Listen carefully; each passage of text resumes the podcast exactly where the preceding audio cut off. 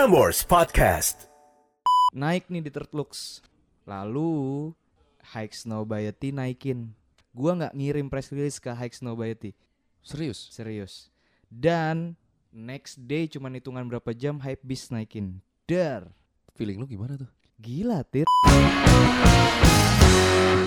Halo kaula muda, kembali lagi berjumpa dengan Cipeng Keren Tapi kali ini saya nggak di Youtube, sekarang saya di Prambos Untuk berjumpa dengan kalian semua kaula muda. Kita sekarang berbincang-bincang di topik terbaru. Ini episode pertama bos-bosku sekalian Dan para kaula-kaula muda yang ganteng dan cantik. Dengan hashtag dan topik Local Issue with Dr. Tirta. Nah di episode pertama ini yang paling berbahagia kawan-kawan sekalian kita akan berjumpa dengan salah satu orang yang merupakan penggerak bidang brand lokal di perklotingan, perkaosan dan perbajuan. Dan kebetulan brand Doi ini sudah menembus pasar-pasar mancanegara, majalah-majalah di luar Indonesia.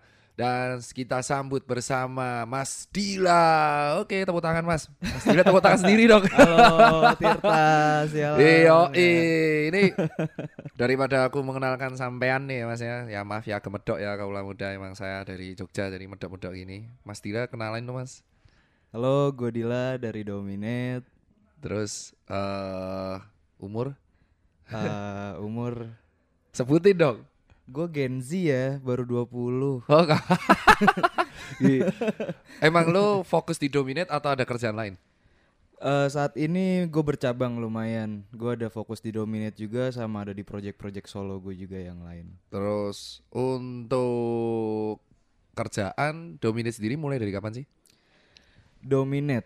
Mm-mm. Ah, kita ngomong Dominate ya. Dominate dulu dari bahas habis itu bahas personal lu dong. Enggak dong, jangan sampai personal. Oh nggak boleh ya nggak boleh. Dominate itu gue bertiga ada gue, Naya sama Cash.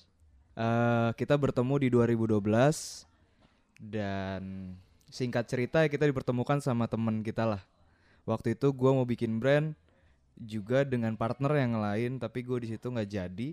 Akhirnya mereka ngajak kayak deal yuk kan lu nggak jadi bareng sama kita aja ya udah akhirnya di 2012 pertengahan sama mereka nge apa masak gimana nih dominate biar lebih uh, ada taringnya sedikit walaupun baru mulai dan Itu bulan kapan tuh maaf motong nih? spesifik bulan gue lupa Kebanyakan party sih lu. gue kerja tir Ayo. ketawa lu ketawain please gila. Salah style bosku ya kan. Oke kita bahas lagi. Berempat berarti awalnya berempat berarti. enggak Loh. yang satu itu mempertemukan Oh cuman bridging doang. mempertemukan Mempertemukan ini dengan Naya sama Kesong Mas Kesong. Mm-mm. Terus karena Kesong waktu itu dia punya brand sebelumnya juga namanya Tak Life oh brand Semarang oh iya Mas Kesong kan dari Semarang. Iya. Tak Life kan emang brand dia dari Semarang. Iya kan? brand dia. Terus waktu itu pas uh, ke Jakarta dia memutuskan untuk uh, menyudahi brand itu. brand itu dan akhirnya bikin bareng sama Naya. Awalnya kayak, eh gue bikin seneng-seneng nih sama Naya. Terus akhirnya ya gue ikut bergabung di situ. Dan itu udah ketemu nama dominate-nya udah ketemu. Namanya udah ketemu, Dominate Dominate. ditambahin Jakarta. Enggak, Awal mula cuma Jakarta itu represent kita dari Oh, asal. Terus itu tuh. Nah sebelumnya kalau aku kepo di Instagrammu nih mas, ya kan. Itu sampean tuh pernah kerja di sebuah toko di Pangpol. Emang emang bener. Bener banget. Itu emang brand ini terjadi setelah masih kerja atau udah? Gue waktu itu jaga toko. Oh shopkeeper loh. Iya. Jadi emang brand ini bukan berarti kayak anak yang kata orang-orang bilang, wah sekarang kalau usaha enak tinggal minta nyokap bokap lu. Enggak ya lu ya? Nanti gue kasih tahu kali ya modal awal gue. Iya benar-benar kita kita enak deh. Jadi Kita cerita yang eh dari pertemuan eh, kita bertiga itu kenapa Kesong sama Naya berani ngajak gue untuk masuk ke project Dominate ini karena gue lumayan representatif nih di Jakarta Selatan punya lumayan banyak teman lah Culture. punya lumayan banyak teman gue nggak bisa bilang culture Tapi emang temen lu banyak tongkrongan. lumayan ya karena gue ada di salah satu toko ya toko itu pionir lah di Jakarta Selatan Sebut lah Orbis Orbis di Pangpol. Iya, As Orbis a itu- shopkeeper. as a shopkeeper. Lu kerja di situ dari tahun? 2012 awal kali ya. Wah gila ya, berarti ha- 2012 tuh lu kerja shopkeeper dan langsung bisa Dan ya? dan masuk Orbisnya pun juga apa? Ada ceritanya tir. Hah? Ceritanya gimana nih? Jadi kayak kita pun waktu itu awal kayak masukin Orbis nggak ya? Ah nggak berani ah nggak berani ah kayak ada rasa eh jiper canggung atau apalah. Posisi gitu. ini Domini udah ada. udah ada udah jadi produksian udah jadi udah rilis mau rilis tapi waktu itu kita caranya waktu itu kita spread ke uh, press release ke Whiteboard Journal waktu itu Waduh. terus ke Futurama sebelum jadi store kayak sekarang dia masih web Iya. web, uh, web magazine Website. waktu- ha. website magazine waktu itu kita share press release ke sana dan mereka nge-share artikel pertama kita surprisingly uh, jadi ada salah satu bos Orbis yang dari gua masuk gua nggak pernah ketemu sama dia Jadi literally dia nggak ngerti lu kerja di sana. enggak Wah ini kocak nih. Terus terus. dia itu lagi sekolah di London. Tiba-tiba telepon ke toko. Yang angkat bukan gue. Yang angkat? Naya. ada. Bukan. bukan. Ada anak yang lain lah. Terus? Terus eh, nanya ini dominate brand siapa? Gue mau dong dominate ada di Orbis.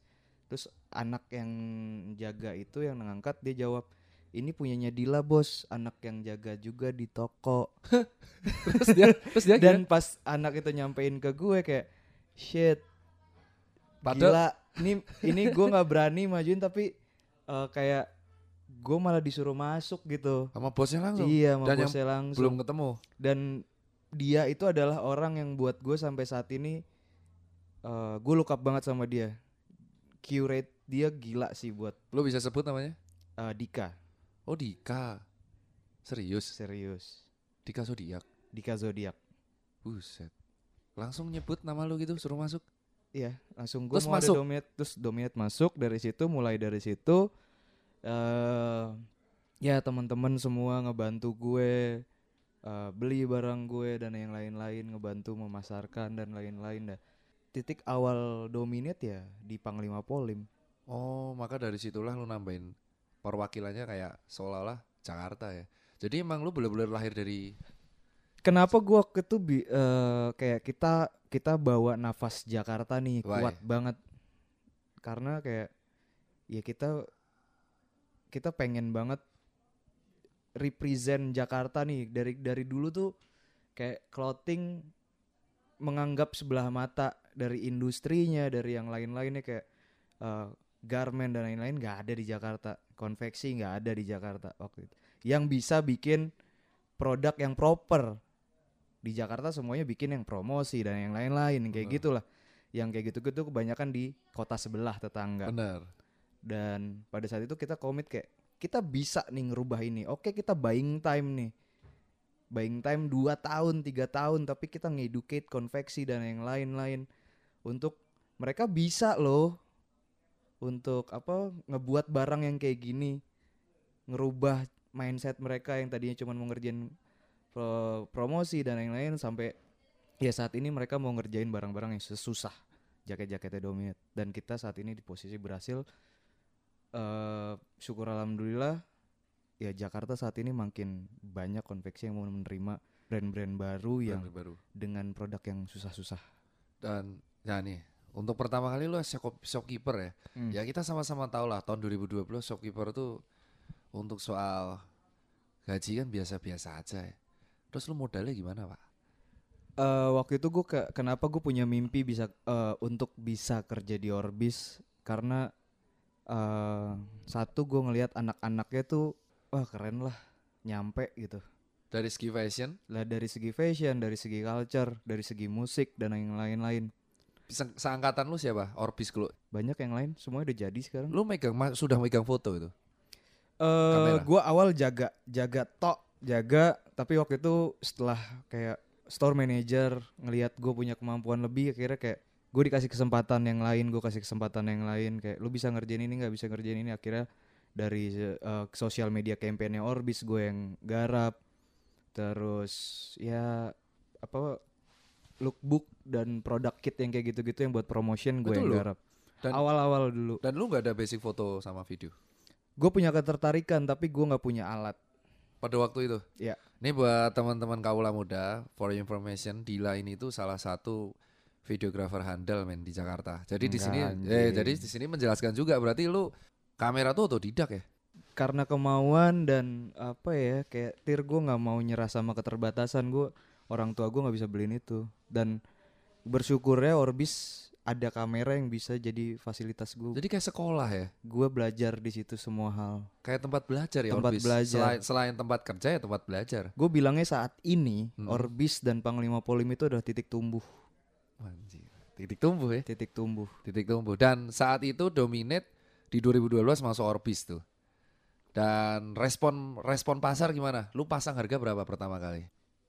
Gue udah di 200 kalau nggak salah kos Pada waktu 2012, respon market. 2013 kita rilis Oh, berarti lu kita masak hampir setahun, setahun. 2013 lu rilis dan itu di Orbis dengan harga 200. Itu 200, respon kamu ke anak-anak muda saat itu gimana?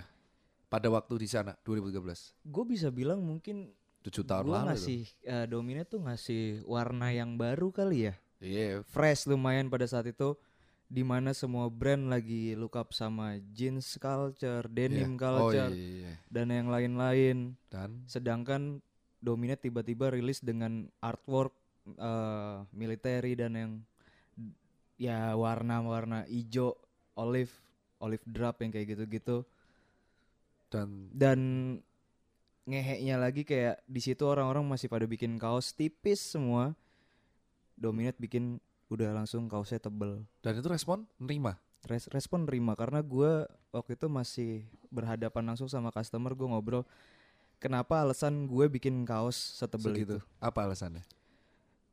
gue cuman pengen gue gue memposisikan pada saat gue ngebu kita ngebuat sesuatu kita jadi customer nih Heeh. kita ngambil sudut pandang customer gue nggak pengen ngebuat sesuatu lo kan bayar ada angkanya dan ya masa lo beli ang- dengan angka segitu lumayan lah ya harganya maksud eh, tiga kali cuci udah jadi baju tidur Oh iya. yang gue bahas di situ durability oke emang pertama kali pakai lo nggak pasti nggak nyaman tapi gue yakin baju lo itu bisa lo pakai sampai setahun ke depan masih awet dua walaupun tahun depan. dicuci-cuci terus. iya Oh itu tujuan lu berarti sustainability ya? sustainability Sama dan durability. durability yang kayak ya kayak gitulah gue nggak pengen ya gue memposisikan ya gue jadi customer yang pada saat itu kayak gue nggak bisa beli kaos sering gitu Ya, dan Kak, dan ngasih pelajaran juga kayak lo harus sayang sama apa yang lo beli. beli lo harus jaga Dan pada waktu lu ketemu bertiga berarti modalnya benar-benar patungan dari tiga orang itu.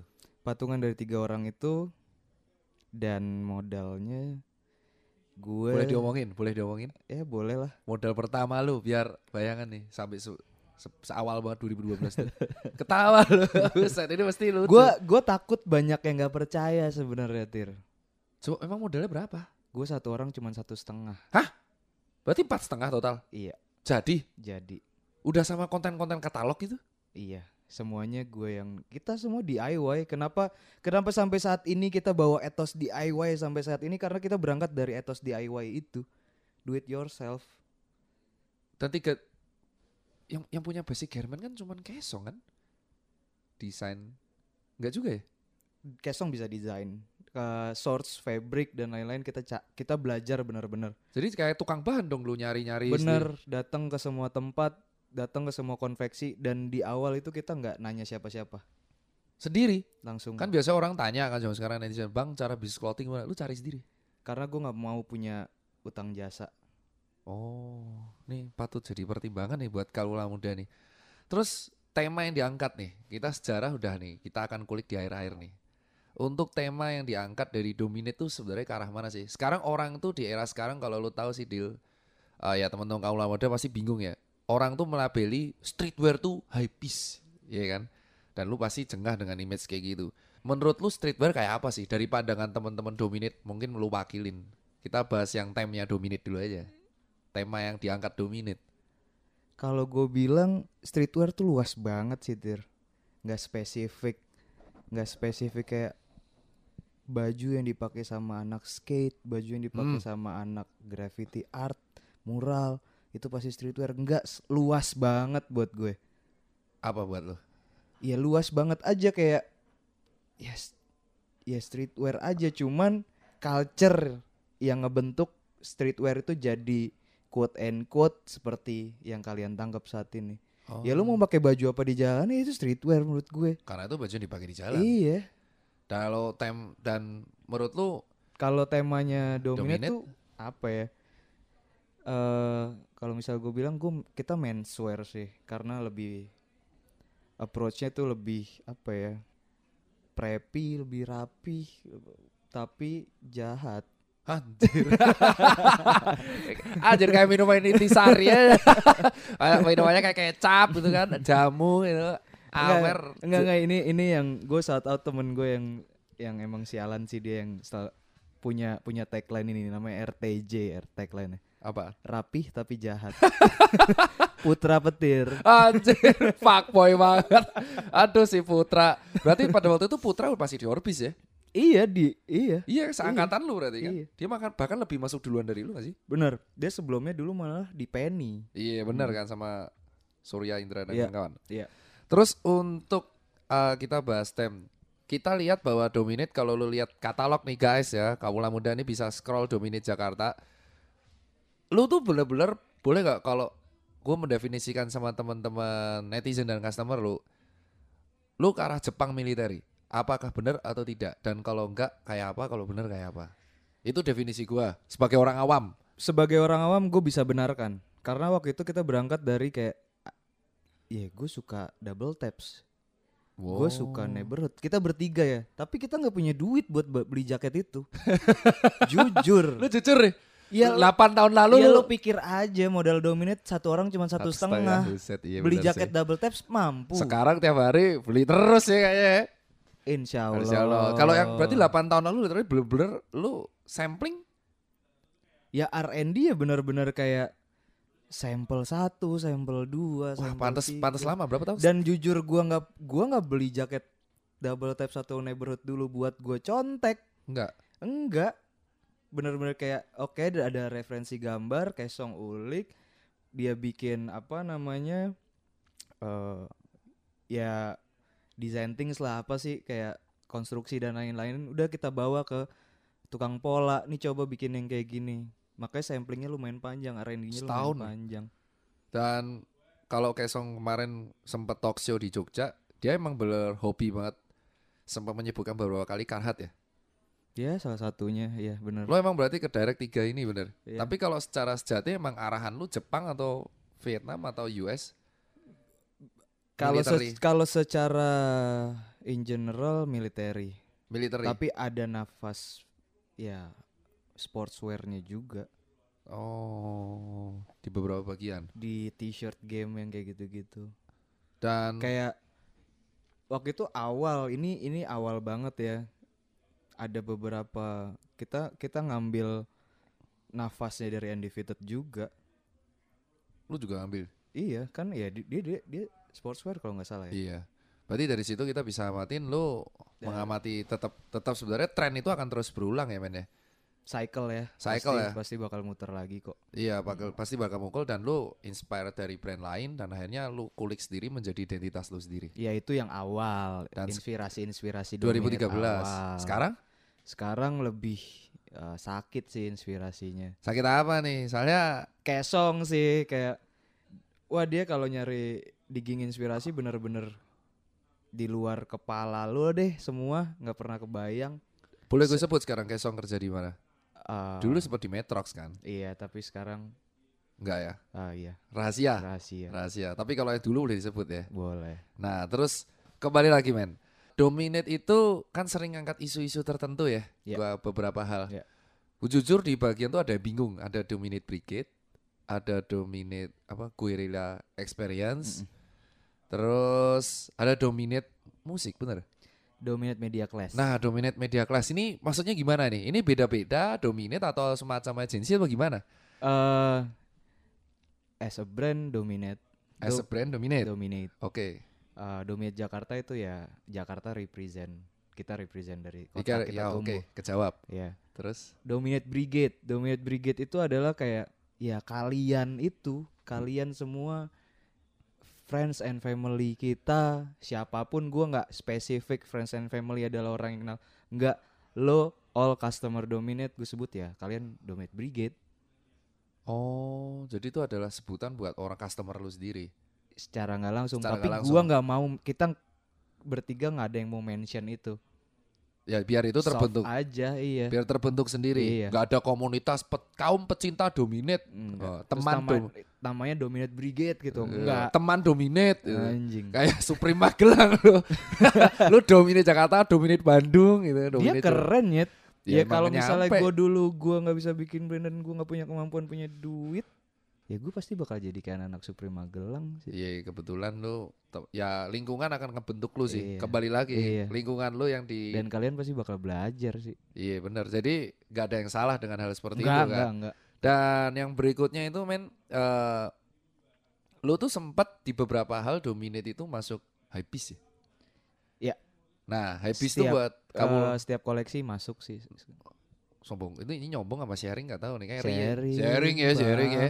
Jadi buat teman-teman kaula muda, hypebeast itu sebutan, tetapi hypebeast itu secara nggak langsung sebenarnya adalah sebuah magazine, benar ya? ya web magazine Sebenarnya sebuah web magazine yang sekarang istilahnya menjadi bergeser kayak wah lu hype abis itu sebenarnya awal mulanya istilahnya eh, majalah web kayak terms baru terus baru. terms baru yang kayak waktu itu ada streetwear sekarang Nah. ada hype beast Ah, hypebeast, hypebeast itu sebenarnya bukan orang pakai baju mahal, itu awal mula majalah nih lurusin. Nah, gue si- tir kalau mulai gue gue boleh info sebelum eh, sebelum Ada gue hypebeast, sebelum gue punya dominate iya. dari gue jaga toko tuh dari pagi gue gue megang komputer dari Hah? 2010 tuh gue buka hype beast Dan ini belum jadi zaman sekarang kan? Itu Apa? itu dulu cuman media informasi doang kan? iya Fashion kan? gue buka karena gue di situ mempelajari gue jadi saat ini gue jadi kayak itu riset gue terhadap kayak brand A eh, spring summer rilisnya kayak gini fall winter rilisnya begini tahun depan rilisnya begini tahun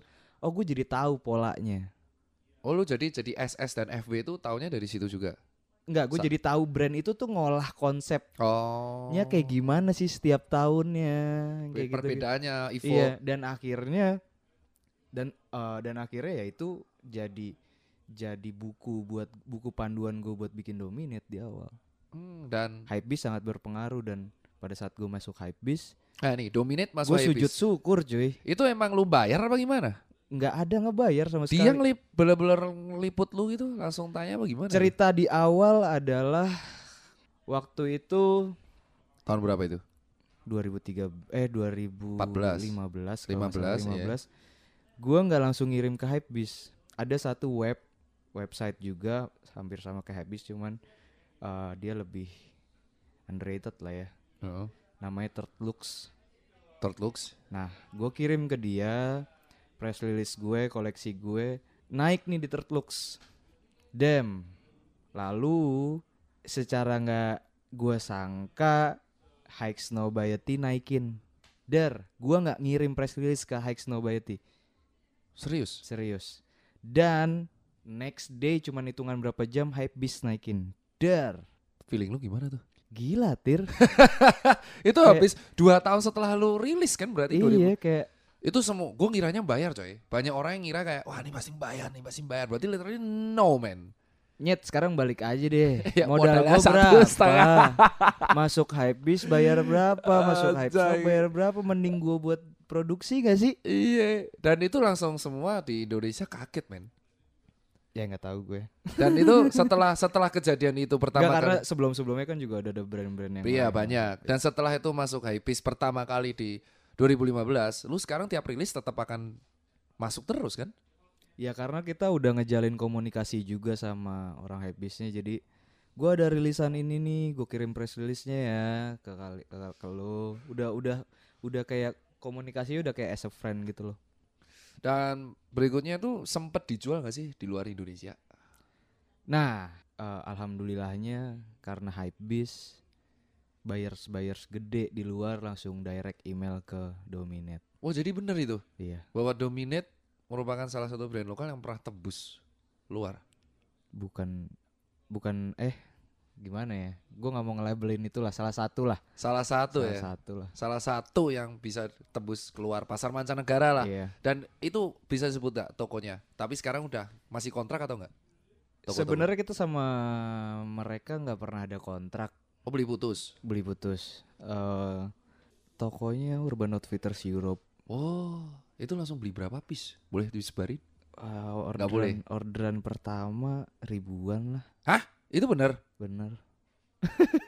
ya lu emang lu langsung nyanggupin gitu? Nyanggupin lah, Wholesale langsung ribuan piece. langsung ribuan piece. Orang sana berarti emang orang orang lu orang manca nih. Gua gua di sini Iya karena awam kan, ya. Karena kan Urban Outfitters tuh tokonya banyak banget dan ini skupnya Europe di setiap titik negara dia punya store. Kenapa dia order ribuan ya karena untuk memenuhi store-store mereka di Europe. Dan akhirnya sampai sekarang apa sekarang? Sampai sekarang dan tahun ini eh, kita melebarkan jadi ada di Urban Outfitters US juga. Oh my god, gue kira berhenti. Seneng dong, pantas beli-beli terus ya kayaknya ya. Yeah. Iya, amin dong, Amin, amin. Rumah alhamdulillah. Ah. dong, kan rumah udah nih. Alhamdulillah. Jadi lu berarti bener nih sampai sekarang udah ada di berapa negara berarti? Dominate selain di Indo. Kalau waktu itu berapa tahun yang lalu ada di Korea juga. Or- Iya, Toko Di- apa? Hyde Store. Di Hyde Store, Terus Korea. ada di Taiwan juga, Les Taiwan. Wow, dan mereka semua beli putus. Iya. Ya consignment gimana caranya iya. mesti. Terus sama outbound outfitter. Urban Outfitter dan ada beberapa store yang sebenarnya gua nggak tahu detail karena yang eh, supply barang gua adalah agent, agent gue yang kerja kerja Oh. sama sama Dominate. Eh agensinya ini mulai kontrak tahun berapa? Agency kita mulai perkenalan tuh 2018 kali. Boleh sebut namanya? Eh, Fritz. Ya dia salah satunya. Dan buat kaula muda yang belum tahu, Fritz itu nama orang ya, serius bukan bukan nama mobil, bukan. Dia nama orang yang bel- ya ibaratnya kayak distributor lah, Ya. agen distributor yang membeli barang-barang keren dari Indo untuk disebarkan ke luar Indo ya pokoknya. Secara kasar kayak gitulah ya. Dan juga sebaliknya. Dan sebaliknya dari luar Indo juga ke pasar-pasar dalam Indo. Iya. Salah satunya Fritz. Dan berikutnya ini, berapa lama sih lu edukasi? Dan lu sempat ada perasaan nyerah nggak educate market di Indonesia? Market sini kan jujur lu tau lah, kalau lokal tuh harus murah. Kayak mereka dipukul dikit harga kayak gini tuh ada yang nyinyir, pastilah ada yang head speech, ada yang nggak respect. Lu educate berapa lama? Dominate cuman percaya sama satu hal sih, sama apa yang kita buat itu udah pasti nyeleksi orang yang pasti bakal beli kita. Seleksi market Seleksi marketnya secara lewat situ. otomatis. dari desain, dari ya yang lain-lain cara kita nge-package uh, barang itu dan lain-lain tir. Berarti emang lu emang seleksi ya. Dan lu pernah ada di titik down Gue nggak pernah nyeleksi pasar, tapi gua eh yang ngebuat produk itu yang produk itu yang nyeleksi orang-orang ya. Berarti kayak auto selection aja. Iya, Dari otomatis dari produk yang lu buat. iya. Dan berikutnya pernah titik terendah nggak Dominate? Kayak lu bertiga, lu bertiga kan partner ya. Hmm. Partner gak mungkin dong mulus terus. Pernah titik terendah kayak udahlah coy. Stuck gitu. Apa nggak pernah? Karena lu bener-bener kreatif. Stuck stuck nggak pernah, cuman ada titik tersedih waktu itu 2015 atau eh gue lupa 2015 atau 2016 ya. Oh. Orang yang yang ngenalin kita bertiga eh, meninggal. Wah innalillahi coy. Kenapa sakit? Iya. Oh serius? Boleh Serius. sebut namanya? Shout out tuh. Almarhum Andra Hah? dia juga dia waktu itu kerja, dia kerja di Aksara, dia kerja di Kicks juga sebelum sekarang jadi ODD yang kayak gitu-gitu. Ya Aksara kan masih ada kan? Iya, Oh dia sakit apa? jantung. Waduh. ya itulah yang kayak malamnya tuh sepagi sebelum paginya gue dapat kabar kayak malamnya gue ngobrol sama Naya kayak Nay gue pengen nge-hire Andra untuk masuk di tim Dominate terserah mau bantuin dari di segi mana pun gue pengen Andra ada di Dominate Itu malam sebelum. malam jam 11 And then, jam 7 pagi gue dapat kabar dari Naya dia nggak ada waduh. Shock man. Padahal masih muda banget kan? iya seumuran gue lah Ya seumuran kita. Buset. Padahal dia yang nemuin lu, nemuin Iya, bertiga iya. kayak jembatan gitu ya. jembatan Kalau gak ada nggak ada almarhum Andra ya lu nggak bertiga nggak akan ketemu men. bener Lu nggak akan kenal Naya sama Kesong kan. bener Dan waduh berduka men. Nih moodnya jadi sedih. Iya, tapi iya. ya nggak apa-apa lah. Jadi legend kan akhirnya. Iya. Dan berikutnya lo kolaborasi. Kita lihat Dominate itu tuh pernah ngebuat uh, produk tuh untuk musisi dan juga kolaps dengan sebuah brand Orbit. Dan yang musisi dulu deh. ini lu sebut sama Lace itu collapse atau lu tribute? eh salah satu ada di project bisa dibilang tribute ya karena kita pengen support juga eh, orang-orang yang orang-orang kreatif yang ada di sekitar kita yang dia juga nge-represent dari karya-karyanya tuh yang satu nafas sama Dominate Jadi tribute. Eh, Dominate for Lace Dominate for Lace. iya Dan itu akhirnya pada nggak salah pada waktu Lace ngerilis album ya. Iya. Bener. ya dan Lace ngasih ke kita kayak ini ada lagu buat dom- eh, lagu cocok banget buat Dominate ini di Jakarta banget Dan sama Orbit sama Orbit itu Jakarta keras kan kalau yang Lace karena sama Orbit nih. sama Orbit tuh apa ya Sama Orbit kan sama Resti Iya, ya. iya sempet gue lupa tahun berapa sih? Buset, 2018, 2018. Iya pas Wolf. Iya, iya, iya. Pas iya, Wolf iya, lu iya. buat buat apa itu? Tas. buat tas sama dua jaket, eh, dua dua t-shirt, Iya. eh, et backpack, eh, messenger bag sama sakose.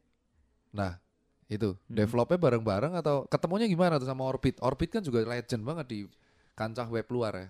Orbit itu buat kaula muda yang belum tahu dia adalah produk tas ya, bag ya, apparel yang emang laris banget kalau di luar Indo, jujur banget dan sold soldnya bisa hitungan Ya. jam. Dan ini ketemunya gimana mau dominate? Ketemunya waktu itu gue sama Yos Hmm. awal ya gue gue beli barang dia. Lu beli? Gue beli Wah teman sejati beli ya nggak minta ya. Gue beli. Terus? gue beli akhirnya Yos yuk ketemuan sekalian gue anterin tasnya ketemuan udah akhirnya ngobrol dari situ. Dia juga cerita set story di balik dia bikin orbit. Dia kan sebelumnya punya brand sebelum orbit. Iya benar. yang ya ada ada problem lah di situ lah. Akhirnya dia punya orbit. Berangkat dari titik terendahnya dia di situ kayak ya udah yuk bikin sesuatu yuk. Kita kita lumayan beda nih. Kita bisa kolab kalau Iya. kita kolaborasi biki- bisa bikin satu hal yang ya nggak kepikiran atau kayak gimana lah suatu hal yang fresh Dan itu godoknya dari tahun 2018 juga. nggak lebih Setahun. ham- hampir hampir enam bulanan deh Wah lama ya. lama Lama ya. Berarti Lama. collapse bukan hanya sekedar nempel nama ya. Karena justru tuh namanya nggak buat kelihatan. gue buat gue kolabor kenapa dominate sering ada kayak dominate for domin eh, dominate X Hmm. siapa gitu buat gue kalau kolaborasi itu ya lo bener-bener emang eh, ya lo berkolaborasi gitu ada ada hal yang dituker sama-sama ngasih gitu Itu kolaborasi. kolaborasi sama-sama mikir gitu Iya, terus sama-sama mikir eh, untuk bikin produk yang baru. Kalau misalnya nggak ada kayak gitu, ya cuma nempel label dan lain-lain buat apa? nah anjir nih ngena sih. Berarti kolaborasi bukan nempel nama doang karena Iya. ada ide yang ditukarkan di situ. Iya. Dan kolaborasi next yang tahun ini. Kolaborasi next. Yang tahun ini 2020 nih. Eh, sebentar Awal. lagi Dominate bakal rilis sama G-Shock. Langsung disebut tanpa babi bu. Ini official apa lu borong jamnya? Terus lu custom dominate atau emang G-Shock kolaborasi sama lu? X yang sesuai lu bilang. Ya, da- G-Shock X Dominate. Eh? Ya, G-Shocknya yang nyamperin kita, Buset, official. official. Wah, kaulah muda harus applause nih bener. Jadi G-Shock nih, G-Shock bener-bener G-Shock yang yang G-Shock jam kan G-Shock datang kolaborasi. ngajak kayak, yuk kita bikin sesuatu. Ya udah oke ayo. Ini brand lokal pertama yang officially collabs atau gimana berarti? Gak Yang tahu, dari Indo. Dir, lu cari tahu lah lu lebih tahu. iya iya iya pertama pertama. Peter ini podcastnya malah ditanya balik. Ya jadi buat kamu muda ini sebenarnya banyak ya brand lokal yang udah memakai G-Shock sebagai base custom. Cuman officially yang kolaborasi itu adalah G-Shock. Dan ini proses godoknya kalau boleh tahu berapa lama G-Shock X Dominate ini? Setahun. Oh lama ya lama. Karena waktu itu gue sempat bilang kayak eh kalau misalnya kolaborasi gue ngerespon jam lu cuma 30% mending gak jadi kolaborasinya. lu gila lu ditawarin tak gini juga terus mereka gimana responnya setelah lu gituin Iya, lu datang ke Dominate lu tau Dominate kayak gimana kan harusnya. iya benar Apalagi kalau misalnya ditanya aim lu untuk kolaborasi ini apa untuk branding. Terus kalau misalnya branding gue cuma naruh la- naruh logo, naruh, doang. naruh nama. Ya mending gue sablon sendiri aja jam lu. lu, beli terus Iya, custom kayak biasa. iya. dia nggak mau? Guanya yang nggak mau dominate yang nggak mau kalau cuman begitu. Terus akhirnya dia? Ya udah akhirnya kita fight untuk kayak bikin sesuatu yang yang yang agak mikir lah. Terus eh, waktu itu gue pengen minta ada nat pakai NATO strap dan lain-lain. Di siluet DW 5600 Hmm. itu nggak mungkin karena di minimum quantity. Dan ya udah akhirnya apa nih yang bisa kita, eh, lo kasih ke dominate terus kita ngide gimana kalau misalnya lo kasih gua untuk bisa ada bulbar di jam tersebut kan belum pernah 5600 kasih bulbar. Eh, ada tir tapi kayak di sini nggak ada Jarang nggak- banget, Pak. jarang ya Dan ini di tempat lu ada bulbar. iya dan eh, si prinsipalnya yang orang Jepang itu sampai kayak oh udah oke gue cariin dulu di Jepang lain yang eh, di di production Jepang yang lain yang bisa gue nempel sama eh, production Dominate X G-Shock Oh ini. my god, gila lu. Lu lu nyampe nya nyampe, Bos. nyampe kalau. Ya gua gimana, tapi dan ini mau rilis ada kapan? kesempatan aja Mau rilis rilisnya tanggal 13 hari Jumat ya 13 apa? April, 13 Mei. Maret Maret, 13 Maret. Kaulah udah tandain 13 Maret 2020. Rilisnya di online atau offline? Offline Di? Atmos Oke. Atmos Jepang apa Thailand, Mas? Anjing. Atmos Atmos Indonesia Atmos Indonesia, Iya. Jakarta berarti. di Plaza Indonesia Oh my god. Oh, sama Koji ya gila. Dan itu berarti acaranya terbuka buat umum. terbuka buat umum Tanggal jam berapa? Eh, nanti tuh be announce ya dan di situ kalau misalnya kalian datang kalian bisa dapetin Gratis. Hadiah mungkin ada saat ada beberapa pair Gak boleh kita, disebut. kita giveaway Oh my god. Ini ah, harga berapa harga? Kan G-Shock rata-rata 2 jutaan ya. Yang Eh, ini 5.200. retail price-nya dua juta empat ratus sembilan puluh sembilan Word ya. Masih sama kayak retail DW 500 600 yang biasa berarti ya. iya kan ada beberapa tipe DW kita dapat yang DW 5600 yang seri seri P Yang jarang di Indo itu. Iya Jarang banget itu kalau kata komunitas. iya lo yang tahu lah tir Iya, yang tahu GSWI. Dan di situ eh, melibatkan GSWI komunitas juga ya. Iya. kita bareng juga movementnya sama GSWI mereka Dan- ngebantu Berarti boleh diulang berarti 13 Maret 2020 si G-Shock X Dominate ini akan rilis di Atmos, jam akan diumumin jam akan diumumin dan ada giveaway juga di tempat ya. di tempat eh terakhir gue penasaran sama yang Guerrilla Experience.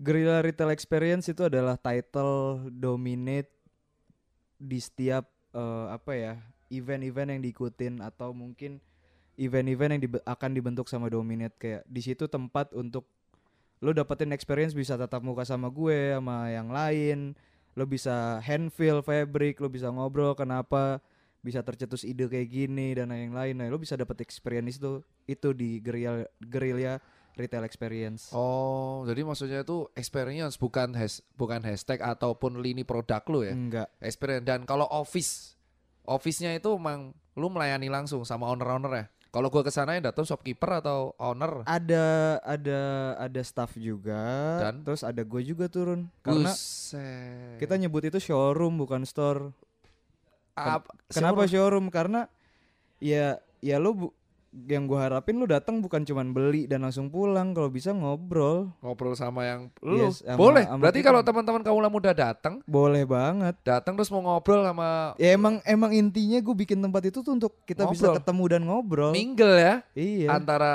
owner dominate nih tiga orang nih Iya. staffnya sama sekaligus customer. Iya. makanya lu sebut Guerrilla retail, retail experience, experience. uh, dominate showroom. Kan biasanya bos-bos tuh kalau owner-owner kalau udah gede itu nggak mau biar staffnya aja lu malah turun tangan terus kan ya. lu pengen ngedukate caranya oh tuh lewat iya sini bener ya nyampe juga masa ya bikin-bikin movement palsu. Kerat sekali bosku. Tampaknya Bang Dila akan menunjukkan Jakarta keras. Terakhir sebelum gue tutup, pesan terakhir buat pelaku brand. Kalau customer kan udah lu pesenin tuh di awal-awal. Educate, educate, educate. Ini teman-teman buat teman-teman pelaku brand. eh saran ya maaf ya bang bukan minterin tapi please cari referensi sejauh-jauhnya. Sejauh-jauhnya sedalam-dalamnya. Jangan cuman sekedar ngelihat kanan kiri depan belakang lu bikin apa. Karena pada saat lu ngelihat itu ya apa yang jadi yang dari yang lo buat itu lo akan sama seperti kanan kiri dan depan belakang lo. Jadi at least pesan lu ya kalau bisa nggak referensi ya jangan dari Indo doang. Sejauh-jauhnya ya. sejauh-jauhnya ya bukan dari fashion juga mungkin dari musik dari satu era ya dari banyak hal lah karena kalau misalnya lu lihat kan kiri depan belakang lu bakal sama jadinya. Ya gak ada gitu. bedanya, cuma ada beda beda. merek doang. Yoi. Prambors Podcast.